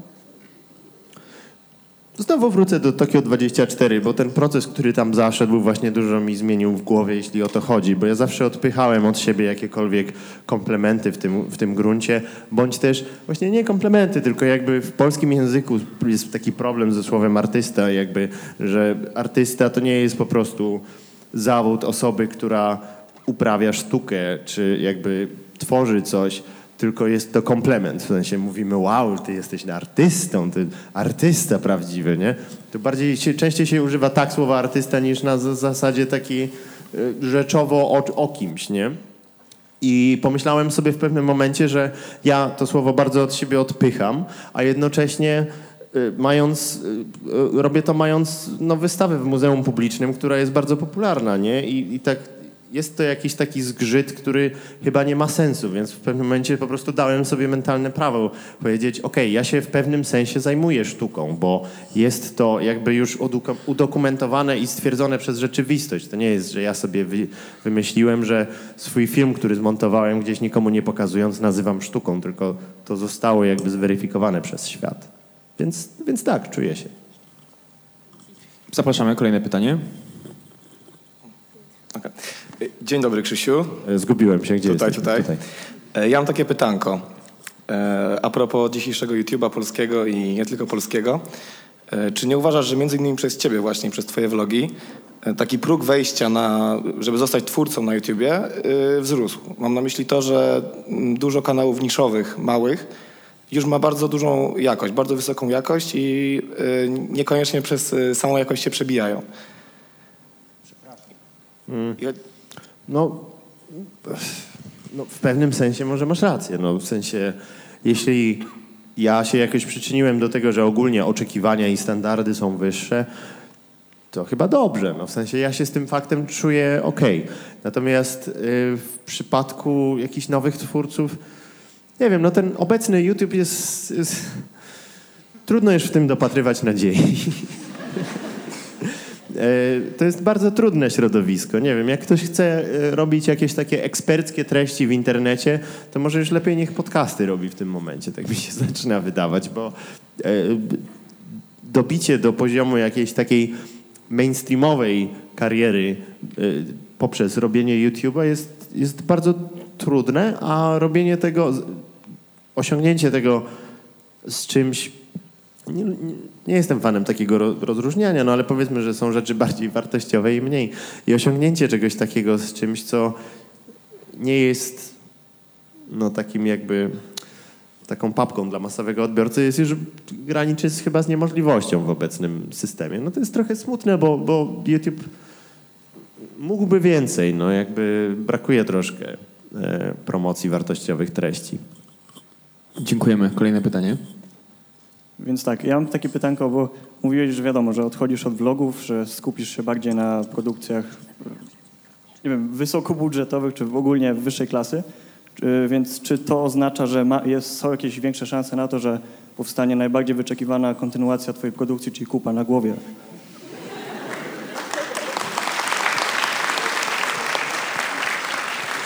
Myślę, że y, y, jakkolwiek szanse są nikłe, to są większe niż zanim robiłem daily vloga. Okej, dziękuję, jestem zadowolony, czekam. Dziękujemy bardzo. Kolejne pytanie tam. E, Wrzucasz bardzo dużo kontentu do sieci, e, przez to jesteś w, pewien w pewnym sensie mm, bliski odbiorcom. E, Oglądając czy beczkę, czy twoje vlogi, ja mogę skonfrontować się z twoimi przekonaniami na różne tematy. Przez to w pewnym sensie ty jesteś mi bliski. Wydaje mi się, że w jakiś sposób znam cię. Ty nie znasz ani mnie, ani wszystkich innych osób, które się tutaj zebrały, ani no, nawet ułamka osób, które cię oglądają. Jak sobie z tym radzisz? Jak widzisz taki kontakt z odbiorcą? Hmm. To jest. Ciekawa jest niesymetryczność tej relacji. To znaczy, ja bardzo często poruszając się przez rzeczywistość, spotykam się z tym, że ludzie na mnie reagują w taki sposób bardzo ciepły towarzysko, w sensie nie na zasadzie, że o patrz, to jest w ogóle ten, ten znany ziomek z YouTube'a, nie? Tylko bardziej na zasadzie... No tak dzisiaj było, znali. kocham cię, na kopcu krzyczały dwie panie. W strojach zombie. Ale w sensie to jest zabawne, bo ludzie podchodzą do mnie jakby tak y, na moment zapominając, że my się de facto nie znamy. I dopiero sekundę, dwie sekundy później nagle do nich dochodzi, że tak podbili do mnie jak do ziomka, a potem jest takie ups. I no ja zawsze jestem troszkę speszony, mając na uwadze te relacje i to, że aż tak dużo ludzi czuje się w jakiś sposób ze mną związana, tak, że, że tak jakbyśmy się znali. Staram się o tym za dużo też nie myśleć, to znaczy tak naprawdę przepracowując to sobie w głowie, to co masz myśleć na ten temat, nie? 50 tysięcy ludzi uważa mnie za ziomeczka. w sensie to jest takie e, jakieś nagięcie rzeczywistości, z którego trudno jest ludzkim mózgiem wyjść obronną ręką. Więc staram się po prostu chodzić po ziemi. Dziękujemy. Kolejne pytanie mamy tutaj. Ja jeszcze, ja jeszcze chciałam się odnieść do tego bawienia się w artystę i właśnie chciałam powiedzieć, że jesteś wielką e, inspiracją i chciałam się też zapytać, czy mogę ci dać fanart. E, dobrze, to ja podejdę. dziękuję. Bardzo dziękuję. Proszę bardzo.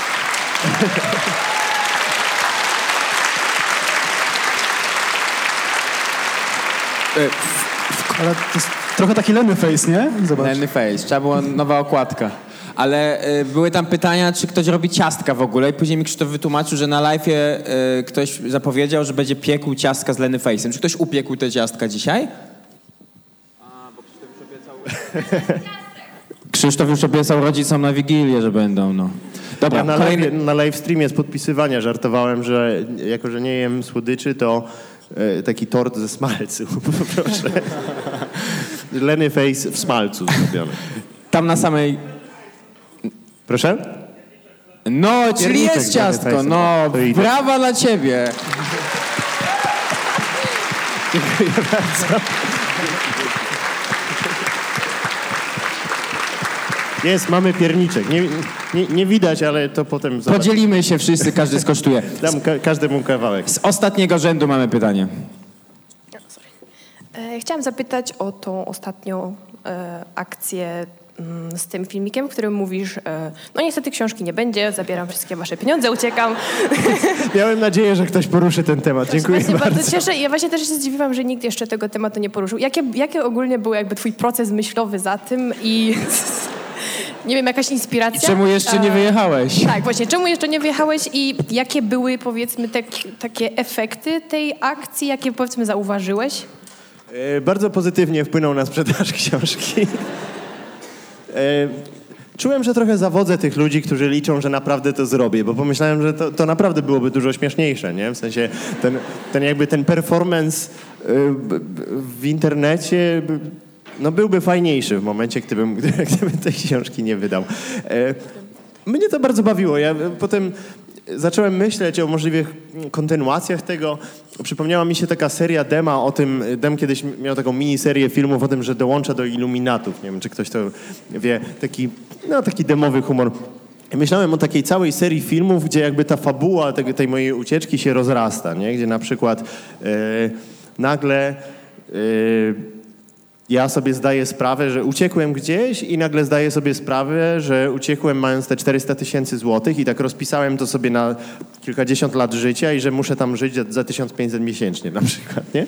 I, i że to nie wystarcza na, na miejsce, gdzie pojechałem i że tak zaczynam w ogóle tak kombinować, że tutaj no, bo w sumie nie stać mnie na zakup mieszkania, to wynajmuję na razie i tak, wiecie, i tak e, rozpracować to, że tak naprawdę to cała ta moja taka chucpa i ucieczka sprowadzi się do takiego e, bardzo skromnego, normalnego życia gdzieś, e, ta- także nic z tego kompletnie nie mam. I chciałem też zrobić film, w którym okazuje się, że jednak zostałem schwytany i podpisuję te książki jakoś tak za karę, nie?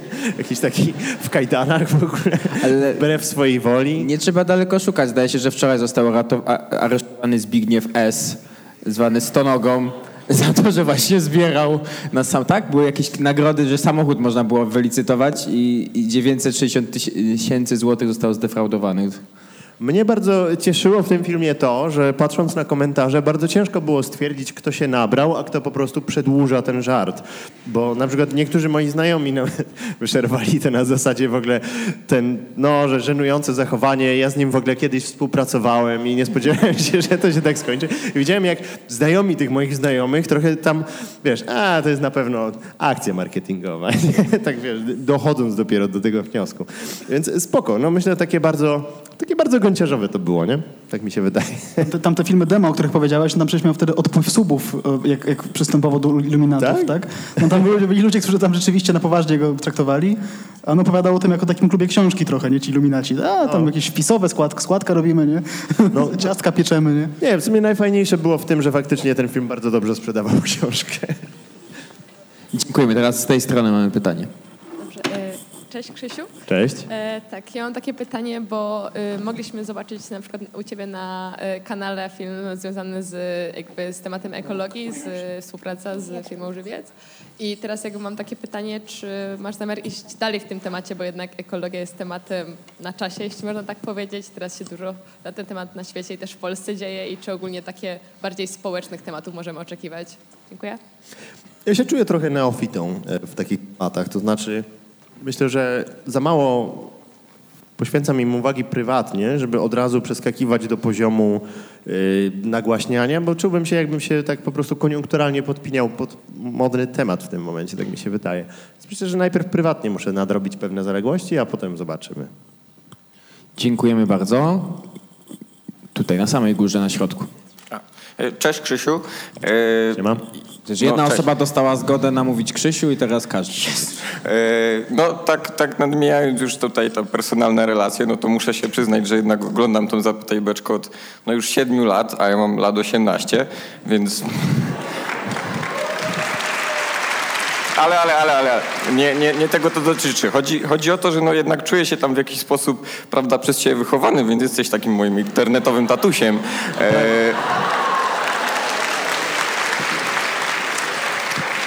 Na, natomiast, natomiast mój temat trochę się powiela tutaj z y, poprzedniczką. Natomiast e, zrobię teraz chamską reklamę, e, ponieważ y, my tutaj jesteśmy t, też parę osób z młodzieżowego strajku klimatycznego i chcieliśmy się zapytać, czy jest możliwość, że nas wesprzeć. E, natomiast to, odnosząc już, żebyś nie musiał powiedzieć tak nie, e, pytanie ogólne jest takie, czy w ogóle wyobrażasz sobie taki świat, w którym influencerzy albo youtuberzy w ogóle e, zabierają głos w takich ważnych może społecznie tematach? Czy, czy wyobrażasz to sobie, że nagle powiesz, że tak, wspieram ich, a, a potem nie, nie wyleje się na ciebie jakaś lawina hejtu? Wyobrażam sobie. Okej. Ja mogę tylko powiedzieć ze swojej strony, jeśli mogę, że bardzo podziwiam tę organizację, czyli Młodzieżowy Strajk Klimatyczny. Jesteście super i W bardzo... ogóle zróbmy wielkie brawa dla Tak. nich za to, co robią. W sensie... Ale wielkie miały być, naprawdę. My nie będziemy mieli gdzie żyć. Akurat was śledzę od, od, od, właściwie chyba od początku, jak istniejecie i trzymam kciuki i bardzo podziwiam. Brawo. Yy, znam, słuchajcie, kolega pisze książki, więc jakbyście chcieli jakąś książkę, to... E, Nie no, wielkie zapro. Jeszcze jest na UJ taka organizacja klimatu i także też zapraszamy, ale nie chcę tutaj zabierać spotkania. Chciałem się zapytać, czy jest możliwość tutaj rozwinięcia trochę tego tematu właśnie odnośnie rynku YouTube'owego. Jeszcze na koniec powiedzieć, że Sobieski na deski. Dziękuję. E, Ni- nic nie obiecuję, ale zapraszam. Dziękujemy bardzo. Tutaj mamy pytanie z tej strony. E, witam Ciebie, Krzysiu. Powiem Ci, że przez ostatnich kilka minut zastanawiałem się, jak sformułuję to pytanie, ale pierw może zacznę od takiej krótkiej dygresji, e, mówiąc, co, jak ja Cię postrzegam jako potencjalny fan i odbiorca względem pytania, które koleżanka zadała wcześniej. Czy jesteś artystą, czy poniekąd rzemieślnikiem. Uważam, że to jakby tu nie chodzi o to, żeby jakby postrzegać ciebie jako artystę, który stworzył właśnie na przykład Tokio 24 albo jest rzemieślnikiem, który zrobił kilkaset odcinków daily vloga. Jesteś przede wszystkim innowatorem. Jesteś przeciekawym i ambitnym człowiekiem. I to jest przede wszystkim pierwszy powód, dla którego kupiłem tą książkę. Nie to, że jakby uczestniczysz poniekąd w moim życiu już od wielu, wielu lat, ale jesteś nieprawdopodobnie właśnie ciekawym człowiekiem, który ma coś do powiedzenia. I teraz tutaj przechodzę do mojego pytania.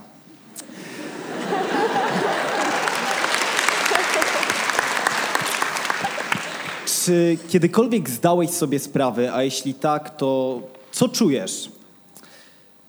Biorąc pod uwagę fakt, że w ciągu tych ostatnich kilku lat e, stałeś się symbolem, tak naprawdę, nie chcę cię gloryfikować i mówić, że nauczycielem, ale stałeś się symbolem i poniekąd mentorem. nas, młodych ludzi, milenialsów, którzy wydaje mi się, że współcześnie troszkę się pogubili w tym scyfrowanym i zmodernizowanym świecie technologii i konsumpcji, po prostu.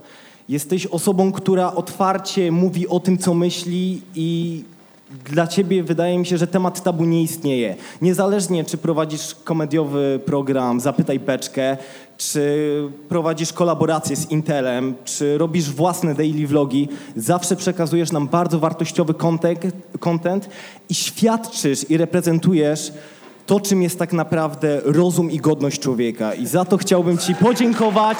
Jesteś nieprawdopodobnym człowiekiem. Długo czekałem na tą możliwość, żeby zwrócić się do Ciebie z tym, no w sumie troszkę długim zdaniem i lekkim wywodem, ale dziękuję Ci za to, że jesteś i niezależnie co będziesz robił dalej, jak Twoje życie się będzie zmieniać, wydaje mi się, że wiele tutaj z nas będzie Ci w tym towarzyszyć i będzie Cię wspierać. I za to Ci dziękuję, że jakby no, rozwijasz nas.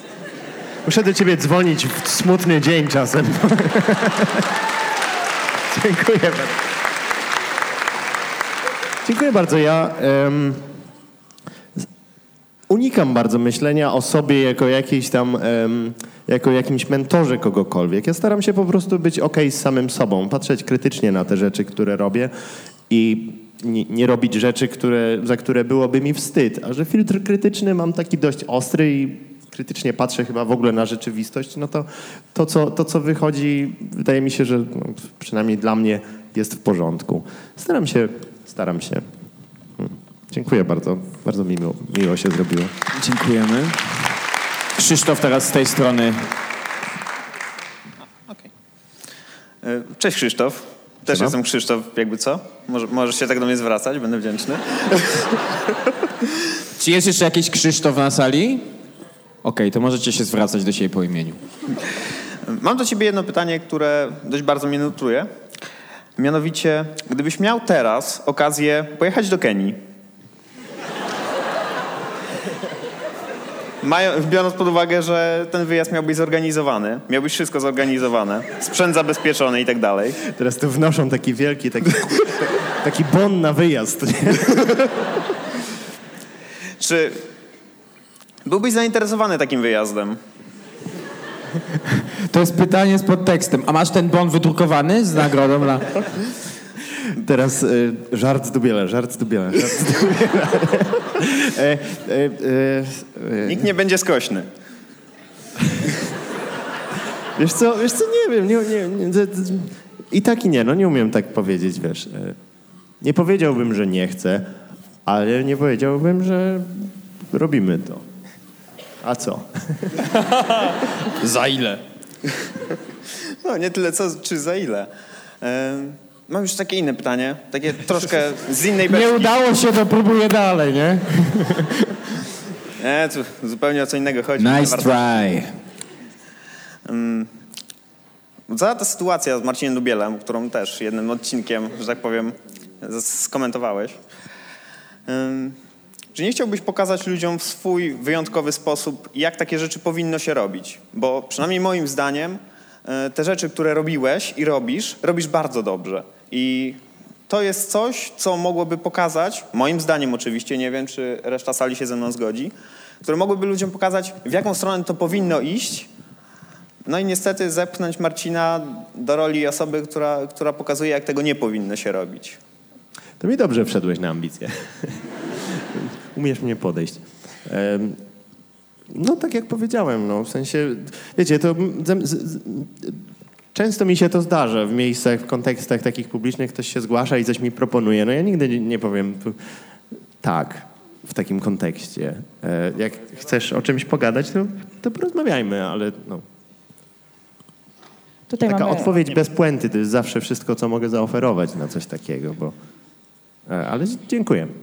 Ma, mam jeszcze tylko jedno ostatnie pytanie. Trzech razy sztuka. Do trzech razy sztuka. Czy dalej machasz siusiakiem do jesiennych chmur? O, jaki To nie było, to już nie ma trzech, do trzech razy sztuka, zadajcie jedno pytanie.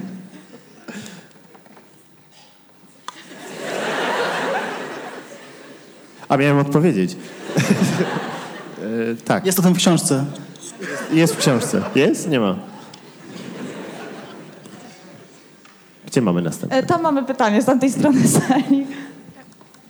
Ja chciałam zapytać o miasto, w którym się znajdujemy, to znaczy w jaki sposób na ciebie wpłynęło? Oczywiście masz filmy o Krakowie, ale chciałam zapytać, czy nie uważasz, że jakbyś był wychowany w innym mieście w Polski, ten twój etos snoba byłby mniej zauważalny i wyraźny? Możliwe. Pewnie tak. To, to był punkt wyjścia mojego filmu o Krakowie tegorocznego, gdzie powiedziałem, że jak ludzie z Krakowa mówią, że są z Krakowa, to mówią to z taką nutką snobizmu. jest taka odpowiedź, której wreszcie Polski jest takie wi- widziane jako e, patrzenie z góry na ludzi, nie? Skąd jest? Z Krakowa. Ja jestem bardzo dumny, że jestem z Krakowa i myślę, że to jest takie fajne pochodzenie, pod, pod które można się podpiąć. Chociaż teraz jak, jak o tym, jak to usłyszałem na głos, to jednocześnie się muszę poprawić, bo jakby duma z pochodzenia to jest e, nie do końca uczucie, w które ja jakoś głęboko wierzę. Może tak bardziej po prostu uważam Kraków za fajne miejsce i fajnie, że akurat tutaj się urodziłem. No. Też tak uważam. Kraków jest super. Mamy kolejne pytanie. E, Witam. E, Ja bym chciała zapytać w odniesieniu do wcześniejszej twojej wypowiedzi. Mm, Mówiłeś, że jako, że jesteś osobą inteligentną, to też przedstawiasz się jako osoba inteligentna, ale jednocześnie robiąc filmy na przykład na drugim kanale, jako no, Zapytaj Beczkę chociażby, mm, starasz się oddzielić tą osobę jako inteligentna osoba, która po prostu lubi głupie rzeczy, ale nie boisz się, że jeżeli teraz przestałeś robić vlogi, to przestałeś też jakby pokazywać tą drugą stronę? Nie boisz się znowu, że ludzie zaczną myśleć, osoby, które na przykład nowe cię poznają, dopiero przez Zapytaj Beczkę, nie wiedząc, że na przykład kiedyś tworzyłeś daily vlogi, nie pomyślą znowu, sobie znowu, że mm, jakiś dziwny, starszy pan robi takie głupie rzeczy w internecie? Eee, nie, wiesz co, myślę, że mogę sobie na to pozwolić. To jest właśnie piękne w tym, że e, mogę Staram sobie pozwolić na robienie bardzo, bardzo głupich rzeczy i jeśli ktoś e, jakby widząc te rzeczy jakby s, tak, tak sprowadzi mnie tylko i wyłącznie do tego ich poziomu, to jest bardzo dużo ludzi, którzy go z tego błędu wyprowadzą i to jest takie, taka kolektywna siła, na którą wydaje mi się, że zapracowałem, robiąc szereg rozmaitych czynności. Zapracowałeś na starość. No. Z tej strony mamy pytanie. E, Cześć Krzysiu. Cześć. E, Mam takie pytanie, jedno od siebie, drugie od mojej przyjaciółki, która bardzo chciała tu być, no ale niestety nie mogła. Mhm. Zadam może najpierw to od przyjaciółki. Ona pyta, czy nie męczy cię to ciągłe podróżowanie i czy w związku z tym jakoś przywykłeś do jetlagu? Trochę przywykłem, znaczy mam takie jakieś chyba procedury, że wiem na czym stoję w każdym momencie, a podróżowanie... Ja mam zawsze z tym terminem jakiś problem, bo wydaje mi się, że ja wcale nie podróżuję dużo. To znaczy, ja okej, dużo się poruszam między Polską a Japonią, ale to jest e, no po prostu jakby przełączanie się między tymi dwoma takimi połówkami mojego życia bardziej niż podróż. No to, no to nie jest podróż, nie? W sensie, ja przez podróż rozumiem jakieś takie miejsce, gdzie jedziesz w jakieś nowe miejsce, coś oglądasz, jakby poznajesz jakąś nową część rzeczywistości, a ja po prostu jakby zmieniam jedno biuro na drugie i to jest większość mojego czasu w tym momencie. E, więc ale odpowiadając bardziej bezpośrednio na pytanie, czy to mnie męczy, troszkę męczy, bo przyznam, że to takie poczucie nieposiadania jednego stałego miejsca jest momentami trudne i chyba też nie miałbym nic przeciwko, żeby gdzieś się bardziej zadomowić. E, I jeszcze pytanie ode mnie. E, Jeżeli oglądasz i polskiego, i japońskiego YouTube'a choć trochę, czy umiałbyś je jakoś porównać, dostrzec jakieś właśnie podobieństwa, a może różnice? Japoński YouTube jest bardzo taki gi- gimnazjalny. Naprawdę, to tam jest jeszcze gorzej niż u nas. Pod względem jakości produkcyjnej to ten, no, ta jakość jest tam bardzo niska i wszystko jedzie raczej na jakichś takich e, kurde no takie dość obleśne jest ten japoński YouTube mówiąc wprost. Nie jestem fanem kompletnie. Okej, z tej strony teraz mamy pytanie, z przodu. Mm, Cześć Krzysztof. Cześć. E, najpierw chciałabym Ci podziękować w ogóle za to, że nagrywasz i że jesteś ogólnie. E, Spoko. e, I mam do ciebie pytanie, bo patrząc na twoich kolegów po fachu, czy nie wstydzisz się nazywania ciebie youtuberem? Ja przez długi czas, o tym jest w książce, e, przez długi czas miałem taką ambicję, żeby budować pozytywne skojarzenia z tym e, terminem i tak jak ja pamiętam jeszcze takie czasy, kiedy słowo youtuber nikomu nic nie mówiło, nie? Wręcz nie używało się w aż tak bezpośredni sposób, nie nazywało się tego w ten, nie nazywało się tego tak, tylko właśnie się mówiło, no, robię wideo w internecie, robię e, filmy na YouTubie i tak dalej. Nie było jednoznacznego terminu, jestem YouTuberem i to coś znaczy. I chciałem zawsze, żeby to słowo się kojarzyło pozytywnie. Myślę, że jakieś tam cegiełki do tego muru dołożyłem, ale chyba sam po prostu mentalnie chcę odejść od tego określenia i przestać o sobie myśleć w ten sposób. Myślę, że ostatnie pół roku to jest takie moje trochę odejście od właśnie bycia youtuberem, a bardziej stanie się po prostu takim, no, nie wiem jak teraz się nazwać, taka osobowość internetowa. Michał Nawet nie Anioł internetowa, internetu. taka po prostu, nie wiem, multimedialny artysta, powiedzmy. Intermedialny. Zielony kolega w zielonym sweterku tutaj ma ostatni głos. Cześć Krzysiu. Siema. E, trochę się stresuję, przepraszam. E, o, oglądam Cię od, 2001, i- od 2011 roku i pierwszy raz w Cię na, na żywo widzę w 3D, y, bo zawsze widziałem Cię przez ten ekran telefonu. I pierwsze takie moje pytanie jest y, nietypowe, ponieważ tutaj ludzie zadają bardziej takie pytania mm, e, do Ciebie. E, A ja, ja się chciałem zapytać o Kraków. Jakie masz ulubione miejsca, jeżeli mm, masz chwilę czasu poza tam sprawami biznesowymi i tak dalej? Gdzie najbardziej lubisz spędzać czas, jak jesteś tutaj? Jak masz chwilę i też gdzie spędzałeś ten czas, jak y, mieszkałeś tutaj? Jakie były twoje chyba na ulubione miejsca? Kazimierzu. Bardzo lubię Kazimierz. Tam okolice Placu Nowego, tam gdzie był pies, ten nie najnowszy na Placu Wolnica, tylko ten tam, nie pamiętam, tam jest Józefa chyba ulica, czy coś takiego. No tam te okolice bardzo, bardzo tak miło wspominam. Dawniej bardziej tak siedziałem w centrum, bo wychowałem się w sumie w Śródmieściu, a e, do liceum chodziłem do dwójki, więc to są też okolice, prawda, tam na, na północ od, od, od rynku głównego. I co? Lubię Podgórze. Podgórze to jest taka trochę moja okolica też, e, bo tam moja babcia dawniej mieszkała i ja chodziłem do podstawówki na Podgórzu. Tak jak może kojarzycie jakieś takie moje wątki bi- autobiograficzne z vloga, to tę podstawówkę nie za bardzo lubiłem i była taka dość patologiczna. Ale no teraz bardzo się tam ta okolica zgentryfikowała i tam te okolice Plac Bohaterów Getta e, to jest bardzo fajne miejsce w Krakowie. Wiesz, ja cię śledzę od prawie początku. Pierwszym takim filmem e, był, było Akta 2, jak wyszedłeś e, i tam mówiłeś. Nie pamiętam już to. Ja miałem bodajże, Jezu, nie wiem, 13, 12, nie no, 13, 14 lat, nieważne. E, chciałbym cię jeszcze zapytać krótko, żeby, bo wiem, że już czas trochę goni. Jak sobie radzisz z presją, jeśli chodzi o firmę, jeśli chodzi o YouTube? E, czy masz takie, jak to powiedzieć, mm, jakie masz sposoby na radzenia sobie z trudnymi sytuacjami, które na przykład na YouTubie nie pokazujesz, no bo wiadomo, że to też twoja prywatna sprawa jest i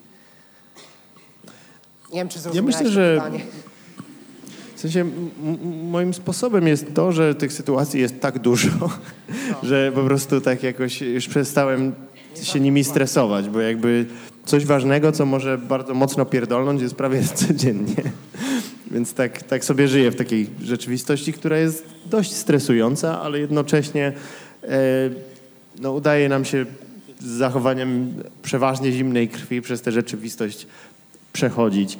E, Staram się raczej patrzeć zawsze, to nie jest do końca dobre, to jest w ogóle bardzo zła rada, co powiem, że staram się zawsze patrzeć na te wyzwania, które są najbliższe i które przychodzą. Myślę, że mam ten problem, że trochę za mało sobie daję czasu na, na celebrację tego, co się udało, bądź na jakąś tam cieszenie się, ta satysfakcję, bo jak mnie zapytacie, co ja mam dzisiaj w głowie, to nie mam w głowie 18 tysięcy sprzedanych książek, tylko e, co może pójść źle z produkcją książki, z dostawą książki, czy wszyscy ją dostaną, czy dzisiaj mamy na stoisku odpowiednio dużo książek. To jest kwestia, bo mamy oczywiście książki, jeśli ktoś z Was nie ma, chciałby kupić, to mamy, ale jest ograniczona liczba, e, więc mam nadzieję, że nikt się nie zdenerwuje, że nie będzie mógł kupić sobie egzemplarza. No i takie rzeczy mam w głowie dzisiaj na przykład. Nie? Słuchajcie, y, mamy czas na jedno jeszcze pytanie, ale do Bartka. Kto ma pytanie do Bartka? Tutaj mamy pytanie, proszę. Skąd masz takie super skarpety? Ja nie słyszałem. Nie zrozumiałem, jeszcze raz? Skąd masz takie super skarpety? Ja? Kupiłem sobie. Okej. Y, Dziękujemy za to pytanie. On to jest wygadany, nie? Będzie jednak drugie pytanie do Bartka. Y, y, Tutaj, tutaj dwa rzędy wyżej. Chyba, że pytasz o bluzę, bo... Nie, do Krzysia. A, do Krzysia. Je, czy tam ktoś jeszcze miał przem... Tutaj do Bartka. O Jezu, jak machają, dobra. Chodź tutaj. Wychodźcie do koleżanki, nie, nie koleżanka do was. Krzysztof, to już do Bartka, możesz usiąść. E, Czekałem, aż ten plot twist nastąpi. E, Jakby jak napisałeś tą, jak, czy, no, tworzyłeś tą książkę, napisałeś i stąd moje pytanie, jak to jest być skrybą? Dobrze?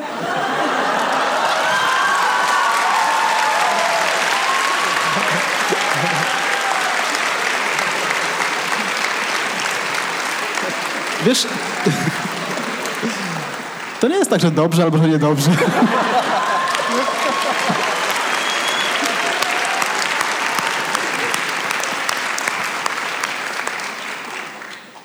To jednak będzie jeszcze trzecie pytanie do Bartka, bo jest wesoło. Ktoś ma jeszcze pytanie do Bartka?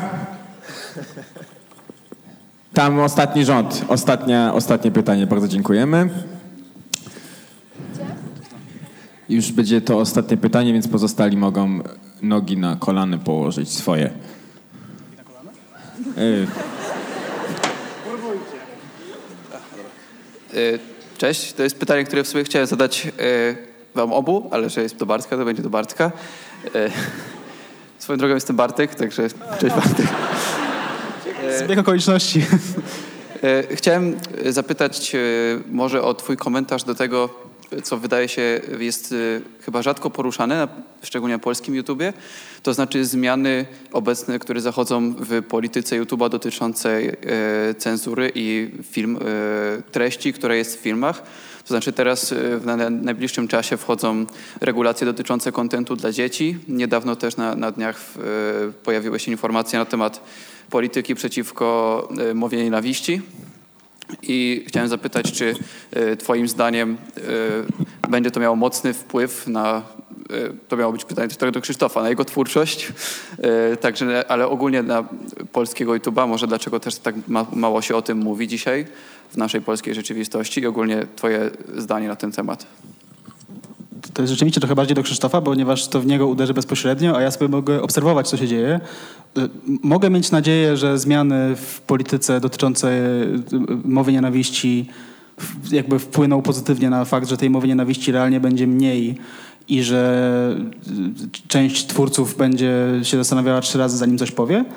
E, Natomiast nie mam wątpliwości, że że, że, że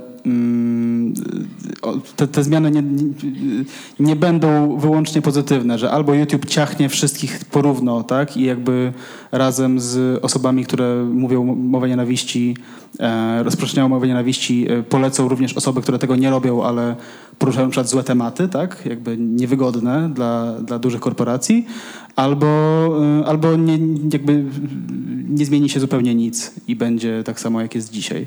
Natomiast teraz jeszcze kwestia tych zmian, nie jestem pewien, ty Krzysiek, chyba ty wiesz, dotyczących kontentu dla dzieci albo nie dla dzieci, ale nie wiem tutaj...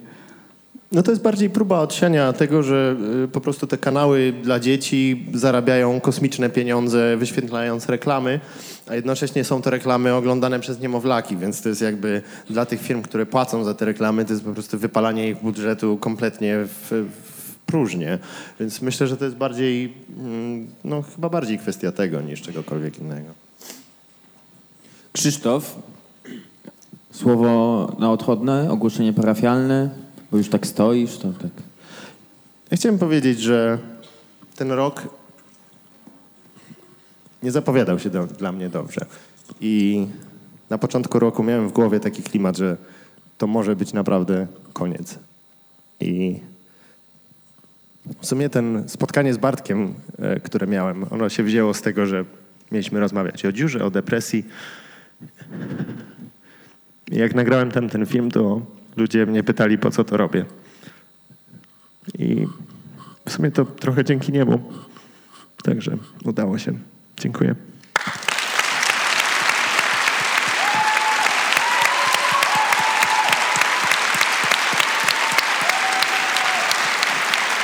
Krzysztof Gonciarz i Bartek Przybyszewski.